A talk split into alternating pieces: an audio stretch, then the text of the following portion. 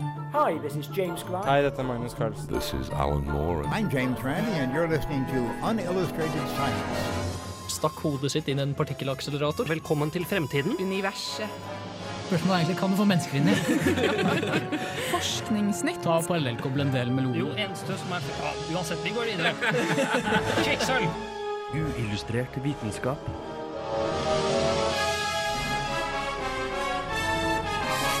Science, works, bitches. I denne ukas Ullskjørt vitenskap skal du få en innføring i SI-systemet. Vi skal høre om Mariannegropen, om havbruksteknologi og om Stephen Hawking.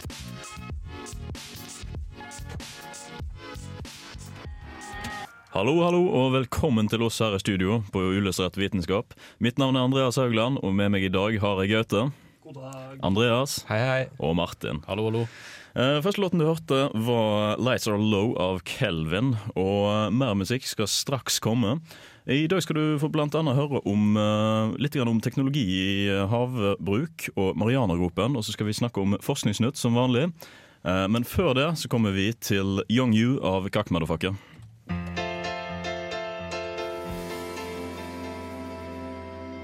So, this is Richard Wiseman, author of 59 Seconds, and you are listening to Unillustrated Science. Enjoy.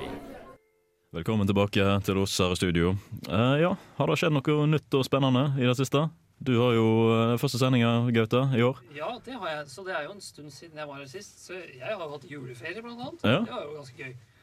Um, men ellers så, så hadde jeg jo en ting jeg sa jeg skulle snakke om neste uke, som da er et par måneder siden. Ja, ja. Så det får dere høre mer om uh, senere i sendinga, da. Ja, eh, så jeg er veldig glad i både hiphop og eh, vitenskap, og de to tingene kombinerte kombinert på en fantastisk måte denne uka. Siden rapperen BOB snakka masse på Twitter om hvordan han mente at jorda var flatt. flat. Som det er faktisk noen som fortsatt tror det. Eh, men ja. så svarte astrofysikeren uh, Neil deGrasse Tyson han da, altså motviste alle argumentene hans på hvorfor jorda var flat. Som endte opp med at BOB lagde en disselåt av Neil deGrasse Tyson, for han snakka om ja, hvor teit han var og sånt. Men ikke nok med det, så fikk Neil deGrasse Tyson, astrofysikeren, eh, nevøen sin til å lage en disselåt av eh, BOB igjen. Som het Flat to Fact. Den, Så lurer på om jeg, jeg så i hvert fall den første oppstandelsen da med Ja. BOB sin uh, klagde, eller snakk om Mm. at uh, ja, verden er jo flat, alle, alle sammen har jo feil. ja, Ja, så det var det, Jeg kunne ikke forvente Det blei så bra til slutt. Blir, ja, men. Neil deGrasse er jo, han er jo black science guy. Altså, den er perfekte kjempekul. person til å smekke ned en annen, Mm. en annen kar. Uh, vi skal videre da i sendingen og høre litt grann om uh, teknologi i uh, havbruket. Og det kommer nå.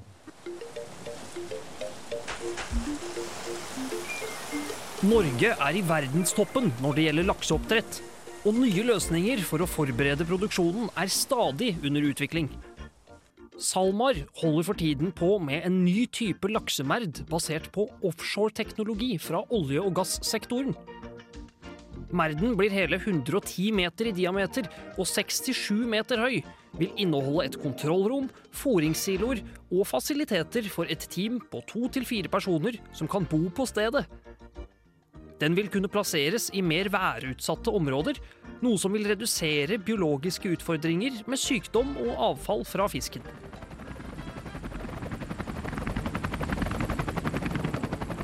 De siste årene har droner tatt over luftrommet og blitt allemannseie.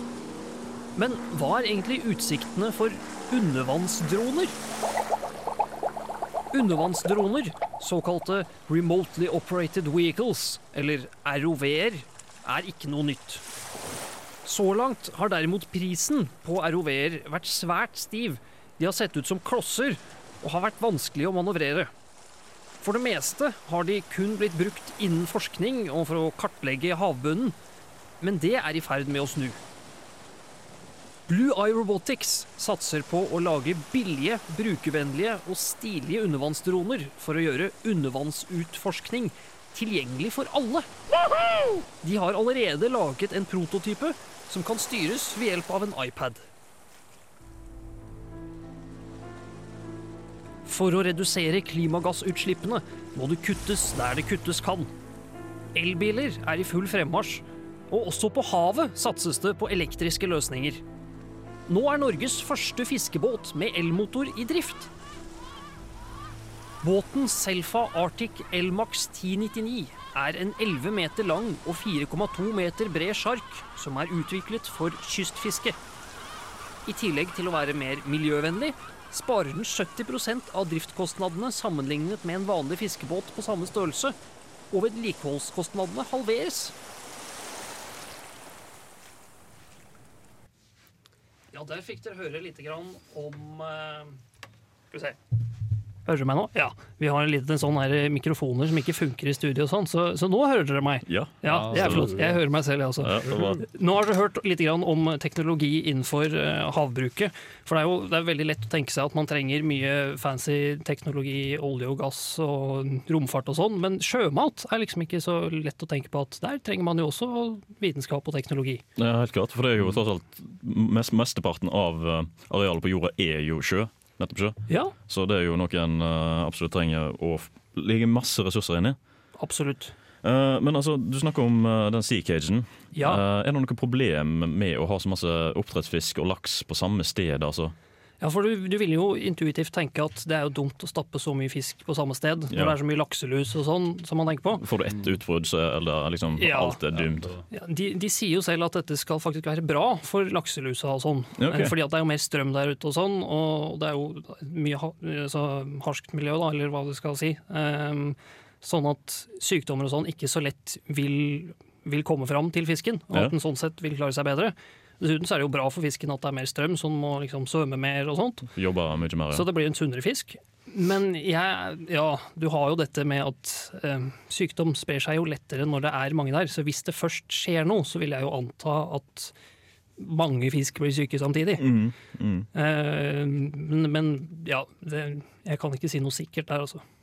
Når er dette forventa å være klart, altså kommersialisert, sammenligna med det som er borte i dag? liksom? de er ganske nærme å få det til, altså. Eh, så jeg tror 2018 er vel da de håper å være i full, eh, i, i full gang med, med denne store, nye, fancy laksemerden. Ja, akkurat. Ja, 2018 er jo snart det. Det er jo 2016 nå. Så Mhm. Hvor mye kan man produsere i laksemerden? Eh, et tall jeg har funnet, er at de sier at i, hvis de da får det til i løpet av 2018, så kan de øke output, outputen sin med 7000-8000 tonn laks. Oh, Det er ganske mye fisk. det er en del. vet du noe sammenligna med en vanlig merd som står Det burde jeg selvfølgelig hatt, Ja, ok. Eh, men, men nei, jeg, har ikke noe gode tall på det. Google det hvis dere lurer på det. Ja, gjør det. Eh, men vi- går videre til den dronen. Ja, Ja, den er stilig. Dronen er jo veldig spennende. Ja. Eh, både ROV-er og UAV-er for den saks skyld. holdt jeg på å si. Eh, men eh, hva pris tenker en seg? Altså, Hva kommer dette til å koste? Ja, de, de sier jo at det skal være kommersielt, og at alle skal, skal ha råd til det. Mhm. Eh, og det er vel kanskje å ta i litt for, Ja. uh, for, for oss som er her. Uh, men sammenlignet med disse ROV-ene som finnes tidligere, så er den jo kjempebillig. Ja, akkurat. Eh, men den har jo en pris på 20 000, da, den som de utvikler. Og oh, ja, ja, ja. 20 000 er jo litt penger. Det er jo ikke akkurat allmennseie, for å si det sånn. Nei, men, men det er jo sånn at for eksempel, ah, man kan investere i det hvis man har en båt og tenker at å, det kan være kjekt å se hvordan det er under båten. Og, eh, eller hvis man for eksempel eh, eier en sånn eh, en laksemerd, for eksempel, driver med oppdrett, så, Ja. kan man, eh, så kan man ha en sånn liten ROV, som, eh, eller en undervannsdrone, som man kan sende ned og kikke om det er hull i nettet, eller hvis man bare har masse penger og lurer på hvordan eh, havbunnen ser ut. Men du eh, ikke tør å snorkle sjøl. ikke tør å snorkle, så kan du bare sende ut den. Ja. Det virker egentlig utrolig kult. Ja, Ja. helt sant. Men altså, den går på strøm, da. Eh, Så hvor lenge kan den gå på strøm? Det er kjipt å miste dronen sin ned i havet. Ja, du, Det er egentlig et veldig godt spørsmål. Eh, Jeg er litt usikker eh, på hvor lenge du kan ha den, men den er kobla fast til, til land, holdt jeg på å si. Så du, Ja. du, den er kobla i en ledning. Ja. Eh, Så jeg kan ikke si sikkert, men det er mulig du kan sende en ting gjennom der. Du får i hvert fall opp informasjonen informasjon fra den, så du kan få masse fine bilder på iPaden din mens du kjører rundt og sånn. Ja, ja, ja. Så da er i så fall strøm på iPaden, da. Så går det. Ja, ja, jeg håper du har en annen strømkilde enn akkurat iPaden. Ja, ja. Eh, Det tror jeg ikke går så bra. Du må ha ganske kraftige motorer for å kunne, kunne kjøre rundt nedi der. Hvis det er litt strøm og sånn, så plutselig bare flyr den bort og drar med seg hele iPaden du står med i henda. Ja, det er jo litt dumt. Lang Ja. Ehm, denne, men du snakker om en fiskebåt? Fiskebåt, ja. Ja, for den gikk på strøm. Den går på strøm. Ja, og da er jo Altså, Det er jo greit nok med drivstoff òg. Vanlig drivstoff den kan jo gå tom for drivstoff midt ute på havet, den òg. Ja. Men strøm, hvordan klarer du å holde noe gående så lenge? Eller hvor Ja, lenge holder det? eller, klarer du å holde det gående så lenge? Eh, Det er faktisk ganske lovende, eh, denne fiskebåten her. Altså, den kan gå på strøm en hel dag under vanlige forhold. Ja, Eh, Og for kystfiske så er jo det, holder det, hvis du skal liksom ut og inn i løpet av en dag. ja. Eh, Men i tillegg så har den da et dieselaggregat som kan liksom gå på hvis det er ekstra krevende forhold. Ja. Mm. Som f.eks. mye sjø eller fram og tilbake, mye last og sånt. For da går jo strømmen fortere ut. Mm, mer pådrag, så Mm. det jo mer effekt. Det er Ja. helt sant. Ja, eh, det var det, ja. Eh, Vi skal snart, få høre litt om, mer om havet, for eh, det er jo veldig veldig gøy og kult. Eh, Vi skal høre om Marianagropen, men aller først skal vi høre låten 'Runimals' av Filco Fiction.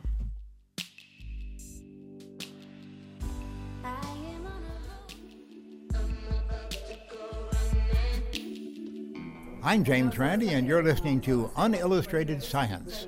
Hvor dypt kan man synke? Det er et spørsmål man ofte stiller seg sjøl. Vel, hvis man bruker havene som skala, så kan man ta turen til Marianagropen. Marianagropen er det dypeste området i de syv hav. Den ligger i Stillehavet og strekker seg 2550 km fra utenfor kysten til Japan og litt forbi Guam. Den har en gjennomsnittlig bredde på 69 km. Det dypeste punktet i Marianagropen er kjent som Challenger-dypet og ligger 10 916 meter under havoverflaten, som er like dypt som høyden til Mount Everest pluss 1,5 km. Ved denne dybden er trykket over 1000 ganger større enn standard lufttrykk ved havnivå, som leder til at tettheten til vannet øker med nesten 5% noe som er litt mer imponerende når man tar i betraktning at vann har veldig lav kompressibilitet. Så da er vel spørsmålet er det liv der? En ekspedisjon i 1960 observerte en flyndre og reker. Pga. det observerte trykket kom dette som en stor overraskelse på mannskapet i ubåten. Mange av dagens marinbiologer så tvil i disse påstandene, og mener at det de egentlig så, var en type sjøpølse, og ikke en flyndre.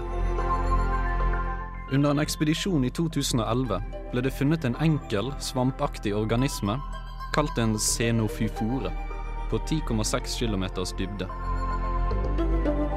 I 2014 ble en fisk kjent som en ringbuker funnet ved 8145 meters dybde, og slo dermed den forrige dybderekorden for dokumentert funn av fisk. Det er også funnet en rekke mikroorganismer helt ned til bunnen av Challenger-dypet. Ellers er det egentlig et ganske tomt sted. Og når lyset forsvinner ved allerede 1 km dybde, så er det ikke så mye å se heller. Men det er likevel fascinerende at noe som helst kan leve der nede i det hele tatt.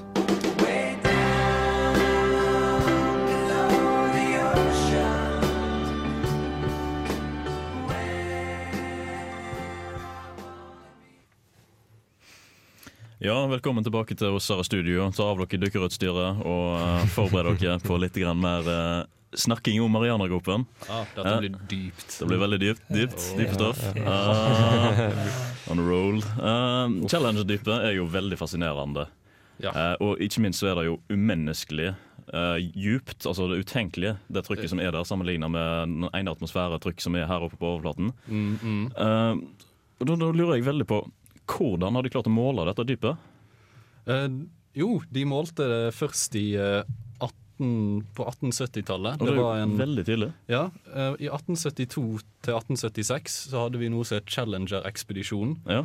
Da var det båten HMS Challenger som dro ut for å kartlegge havdybden uh, rundt omkring i Stillehavet. Og det er jo derifra Challenger-dypet har fått sitt navn. Det er jo fra den ekspedisjonen. Mhm. Og de målte med tau og vekt, Um, med litt mer fancy utstyr på siden òg, Ja, ja. måleutstyr, så målte de da 4475 favner som er 10.920 meter. Så de bommet egentlig bare med fire meter.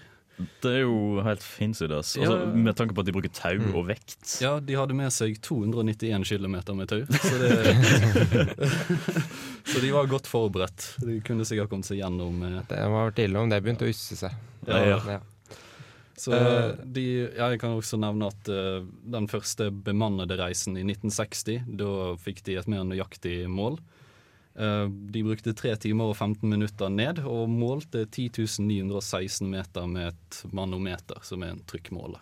Ja, så d- bemanna, sier du. Da var det med en bemanna Ja, det var to, to stykker i en ubåt. Oi, helsike. Ja, ja, ja. Så, Nei, altså eh, Romferja Challenger er også oppkalt etter eh, HMS Challenger. Men ja. eh, Jeg vet jeg slakter uttalen, da, men eh, kan du fortelle meg litt mer om hva en cheno, fio, fio, fio, fio, fore er? ja, Xenofiofore. Fio, fio. Ja, ja. eh, det er en eh, de, Når de først fant den, så tenkte de at dette her er noe som er en svamp. Eh, det fant de ut at ikke var helt sant, så de klassifiserte den heller som en eukaryotisk fylum av protister. Ah, ja. Uh, ja. ja. så du må være marinbiolog for å forstå noe av det. Det, det er en slags plante. Den vokser seks centimeter ned i sedimentet. Den, som en amøbe så lager den på en måte sin egen mat. Ja. Og man vet at de er der fordi eh, det er et lag med slim på bakken som den driver og lager. Ok. Eh, De er ikke så store, og de er veldig vanskelig å forske på fordi de er veldig skjøre. Og ikke minst Og- de er 11 000 meter under havet. Ja, nesten. Nesten. Ja, de, så det er vanskelig å få de opp uten at de bare faller fra hverandre. Så Ja. det å måle cellebygning og sånne ting, ja, forske på det, det har vært veldig vanskelig. Ja, det sa jeg.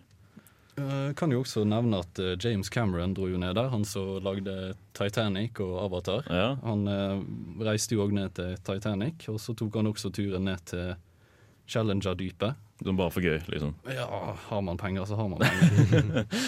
Dette var i eh, 26. mars 2012. Ja, det var vel like etter Avatar gikk på kino, da? Kanskje? Ja, ja, det var vel Klart han har penger da. Ja, det er sånn. ja. Det var ikke en veldig dyr film, da. Det er jo en veldig dyr film, men òg Ja. en av de mest lønnsomme. Ja, det kan jeg godt tenke meg. Mm. Men, men. Det tok i hvert fall han eh, ca. mellom 67 og 90 minutter. Det er Paul Allen sin Twitter sa 67 minutter, mens på nettsiden så står det 90 minutter. Mhm. Eh, fortsatt en del raskere enn 3 timer og 15 minutter, som det tok i 1960. Så nå, nå kan privateide ubåter komme seg ganske fort ned dit. Yes, det er helt sant. Og det var jo eh, Ja, det, South Park har jo det når han skulle ned og raise the bar. Og, oh, ja. det, jeg vet ikke helt om det var derfor han dro ned dit i virkeligheten òg, men eh, Jeg liker, jeg liker å tro at South Park-sannhetene er sanne. ja, det, Det, var, det blir ja, litt bedre bedre hverdag da, føler jeg. Ja, jo. Eh, Men vi skal straks videre og høre på en helt ny eh, spalte. For nå har vi jo snakka litt om enheter og bar og alt mulig sånt. Og Gaute, du har lagd noe helt eh, nytt i dag. Det, det har jeg, vet du. Eh, For jeg tenkte at vi snakker jo om vitenskap og forskning og sånn, eh, men det vi ikke sier så mye om, er hvordan denne vitenskapen måler det den finner ut. Mhm. Så det har jeg laget en helt ny spalte om. Den heter Enhetsskolen, og den kommer nå. Så ta på, de- ta på dere sekken og pakk nista, og vi skal til enhetsskolen. Meter. Bredde, Hestekrefter. Kilometer. Pascal. Millimeter. Millimeter kvikksølv. Ja. grammsekk, lite, Knop. dybde. Fahrenheit. Enhetsskolen. I dag Hva er egentlig SI-systemet? The International System of Units, eller SI-systemet, er det mest utbredte systemet av måleenheter. Utviklingen av systemet ble startet i 1948 og ble publisert i 1960. Standardenhetene som utgjør SI-systemet, ble innført fordi det ble operert med en hel masse forskjellige enheter, noe som skapte mer kaos enn orden. Du har kanskje blitt frustrert over å prøve å sammenligne Fahrenheit og Celsius, eller lurt på hvordan i alle dager du skal måle opp en kopp mel med desilitermålet ditt. Tilsvarende utfordringer innen forskning gjorde at man ikke hadde helt kontroll på hva andre holdt på med, og løsningen ble SI-systemet. Systemet er basert på sju grunnenheter meter, kilogram, candela, kelvin, ampere, sekund og mol. Ut fra disse er ytterligere 22 enheter definert og en rekke andre utledet. I tillegg brukes et sett med prefikser for å beskrive størrelsen, hvor noen av de mest kjente er kilo, centi og milli.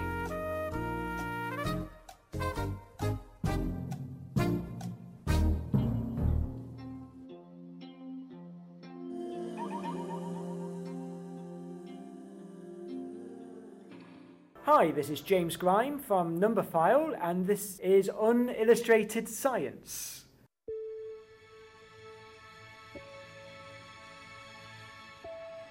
Hello.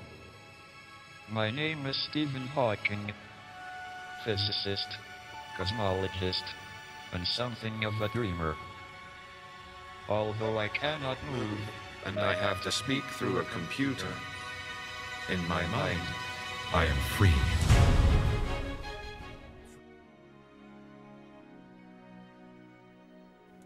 Samtidig som vi har nytte av vitenskapens framskritt, er det også viktig at vi husker de store mennene og kvinnene som står bak.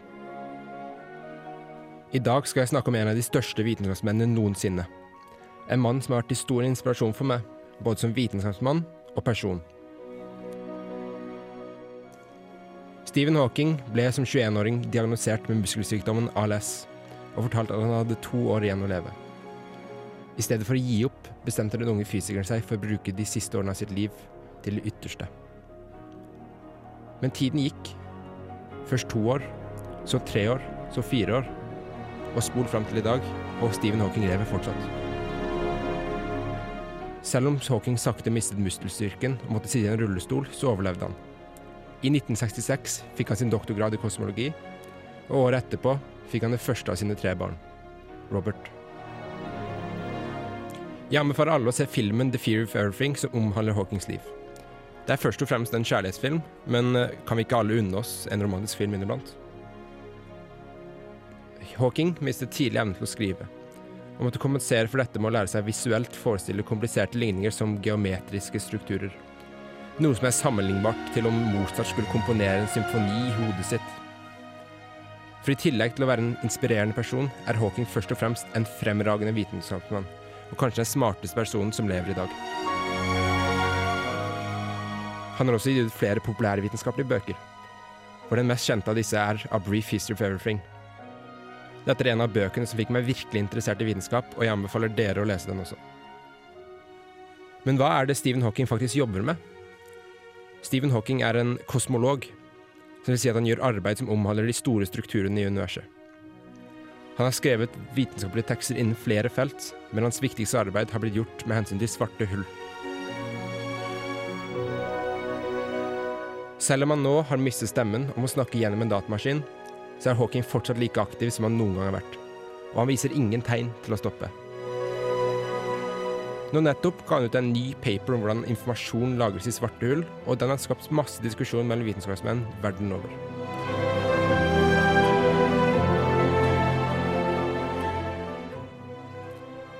Og hvis du sitter der hjemme og syter fordi du syns matteleksa di er vanskelig, skjerp deg. Fordi Stephen Hawking klarer å løse Schrødinger-ligninger i hodet.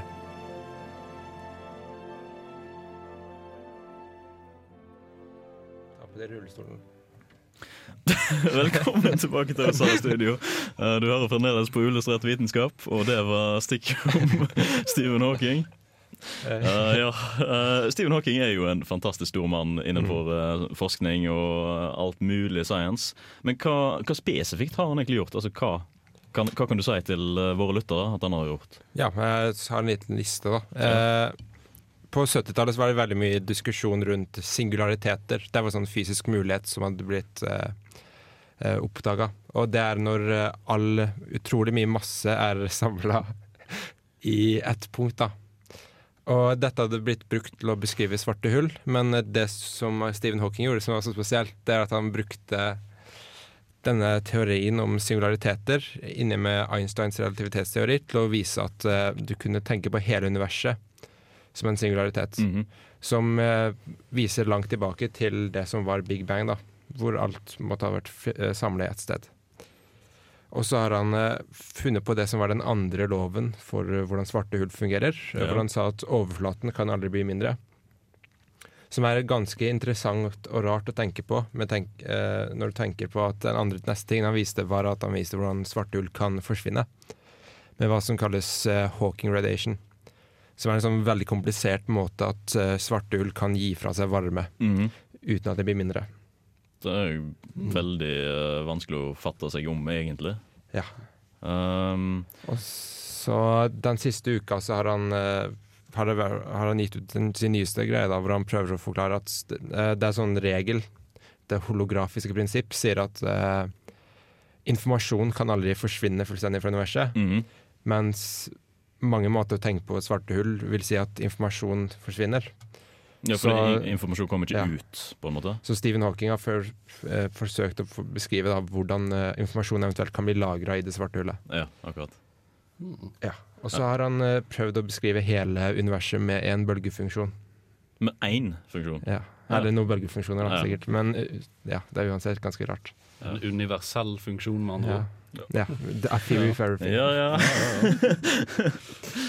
um, dessverre så lider jo Stephen Hawking av en sykdom, en muskelsykdom som heter ALS. Ja. Det er jo noe som rammer veldig mange, og det er jo overraskende hvor funksjonell han er med tanke på Mm. Sykdommen. Kan, kan du fortelle litt om eh, det? Nei, altså akkurat F.eks. For eksempel i Norge så dreper ALS 100 mennesker eh, årlig. Ja. Og vanligvis er det en sykdom som er eh, delvis arvelig, eh, og som stiller seg inn eh, når du er over 50 år gammel. Mm. Vanligvis kan du forvente å leve i 3-4 år, eh, som eh, Stephen Hawking overgikk, da.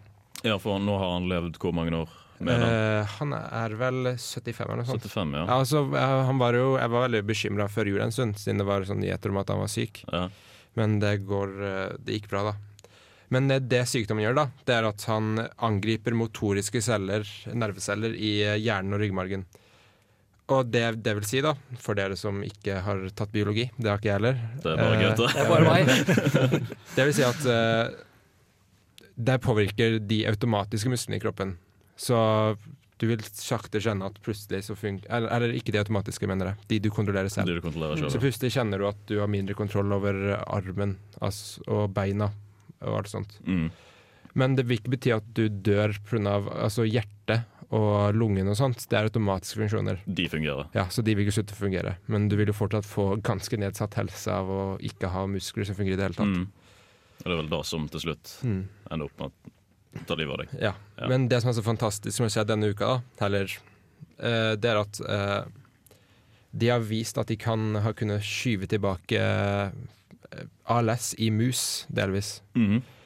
Uh, og dette har de gjort ved å Altså, en av de effektene som ALS gir, da, det er at du får en mangel på kobber i ryggmargen.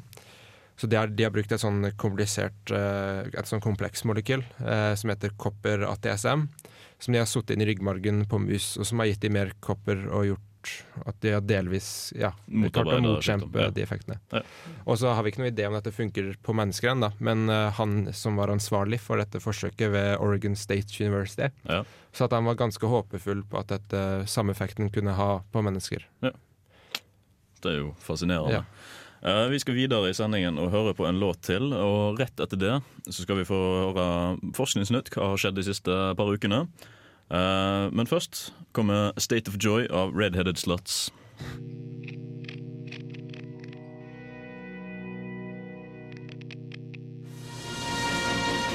Uillustrert vitenskap presenterer Forskningsnytt.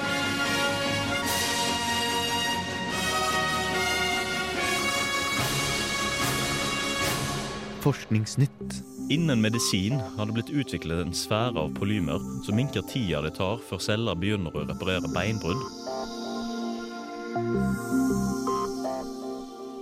Sfæren påfører mikroRNA inn i cellene som allerede befinner seg ved bruddet, og forteller akkurat de cellene at de skal begynne å reparere.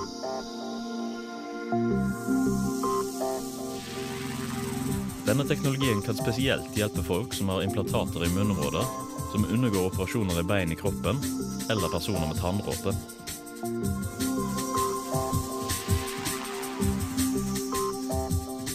Nyheter fra verdensrommet. Etter å ha blitt det første romfartøyet til å lande en probe på en komet, gå i bane rundt den, har Rosetta-fartøyet klart å identifisere is av vann på kometen 67P. Forskerne viser at det har vært vanndamp i kometkomaet, altså gasskyer som omfatter kometkjernen, og at vann er hovedkomponenter i kometkjernen. Men det er først nå at de har klart å bevise at det er is eksponert på overflata av kometen. Google AI-algoritme har endelig mestra spillet Go. En datamaskin har omsider slått en menneskelig profesjonell spiller i spillet Go. Gammelt asiatisk brettspill som lenge har blitt sett på som et av de største utfordringene for kunstig intelligens.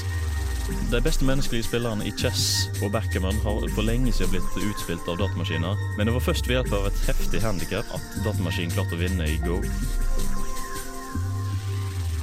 Omoni magambu baluke.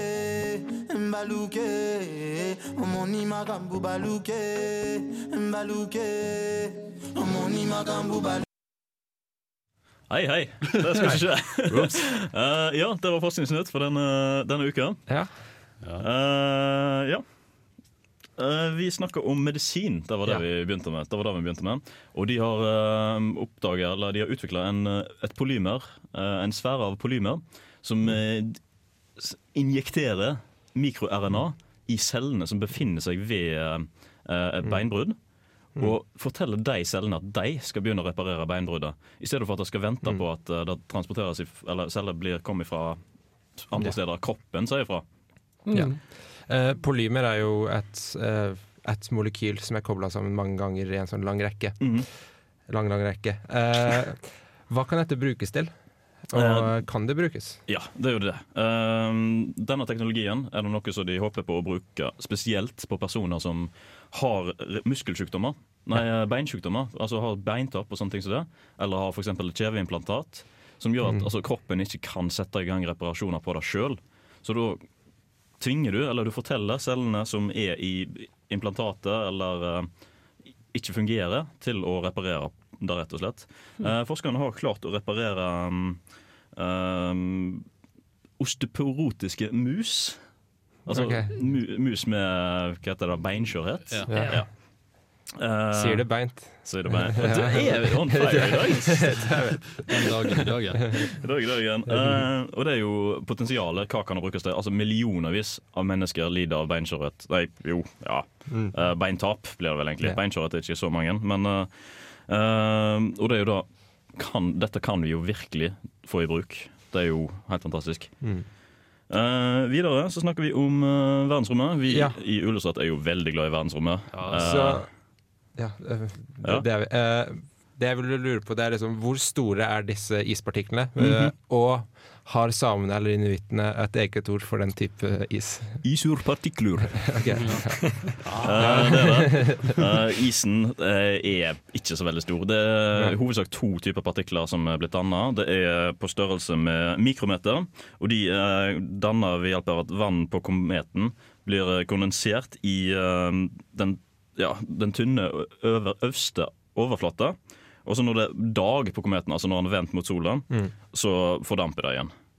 Uh, det andre er millimeterstørrelse. Og de er i nærheten av under, altså rett under overflaten blir de danna. Mm. Uh, og så fordamper det når du nærmer deg uh, sola. Og det er det, Forskerne har visst at det har vært vann i eh, kometens koma, altså det som er den gasskya som er rundt en komet. Jeg har visst det lenge, men det er først nå at de har klart å påvise at det er partikler, altså vann i form av is, eksponert på overflaten. Eh, så er det jo den Google, eh, Go, Google AI Go-algoritmen som omsider har klart dette her. Det er jo veldig good stuff. Nei, altså, jeg er jo venn med norgesmesteren i Go, Mm. så shout-out til Jonas Egeberg. Eh, hyggelig, hyggelig fyr eh, Ja. fra Lillesand. Eh, men Go er jo ganske Det er veldig komplekst. Ja, jeg så, litt- så litt videoer av det for å finne Mm. ut hva i alle dager det er. Og det er jo Nei, det er jo gjerne mer komplisert enn sjakk, Ja. men det er veldig mye det at det er Kulturen for Go er stort sett i Sør-Korea, Japan og Kina. Ja. Og altså, han sier det. Selv om han er norgesmester, så fins det sikkert 10 000 eller flere kinesere som er bedre enn han. Litt så det er ja. veldig sånn nivåforskjell, da. Det er helt sant. Det er som eh, Sverige og oss på ski. Det blir jo fort det.